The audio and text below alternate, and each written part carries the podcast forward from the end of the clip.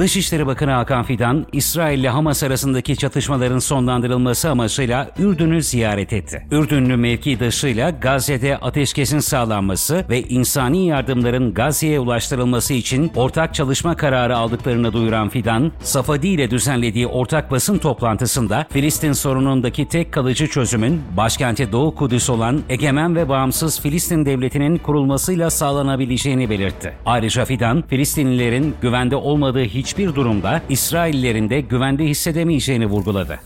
Japonya Dışişleri Bakanı Yoko Kamikawa, Türkiye'yi ziyaret ederek Rusya'nın Ukrayna'yı işgalinin sonlandırılması ve Gazze'de kalıcı ateşkesin sağlanması için temaslarda bulundu. Ziyarette Cumhurbaşkanı Recep Tayyip Erdoğan ve Dışişleri Bakanı Hakan Fidan'la görüşen Kamikawa, Türkiye-Japonya ilişkilerini geliştirmek istediklerini dile getirdi.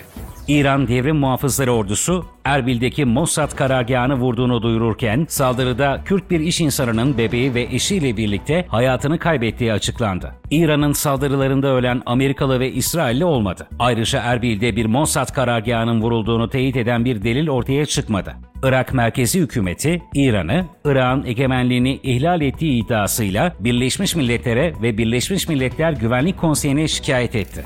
İran, Pakistan'ın Belucistan bölgesinde Ceyşul Adl karargahlarına füze saldırısı düzenledi. Saldırılarda Pakistanlı siviller hayatını kaybederken İslamabad yönetimi İran'ın iddialarını yalanlayarak bölgede Ceyşul Adl karargahı bulunmadığını açıkladı.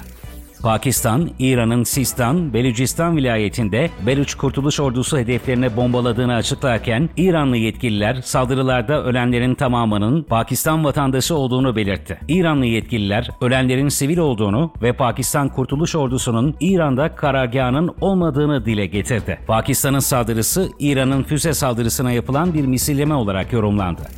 İsrail, Gazze şeridinde sivil yerleşim yerlerine yönelik saldırılarına hafta boyunca devam etti. Saldırılarda öldürülen Filistinli sivillerin sayısı 24 bini geçerken öldürülenlerin çoğu kadın ve çocuk. İsrail'in başkenti Tel Aviv'de toplanan savaş karşıtı vatandaşlar Gazze için ateşkes talep eden bir yürüyüş düzenleyerek Başbakan Benjamin Netanyahu'yu istifaya davet etti.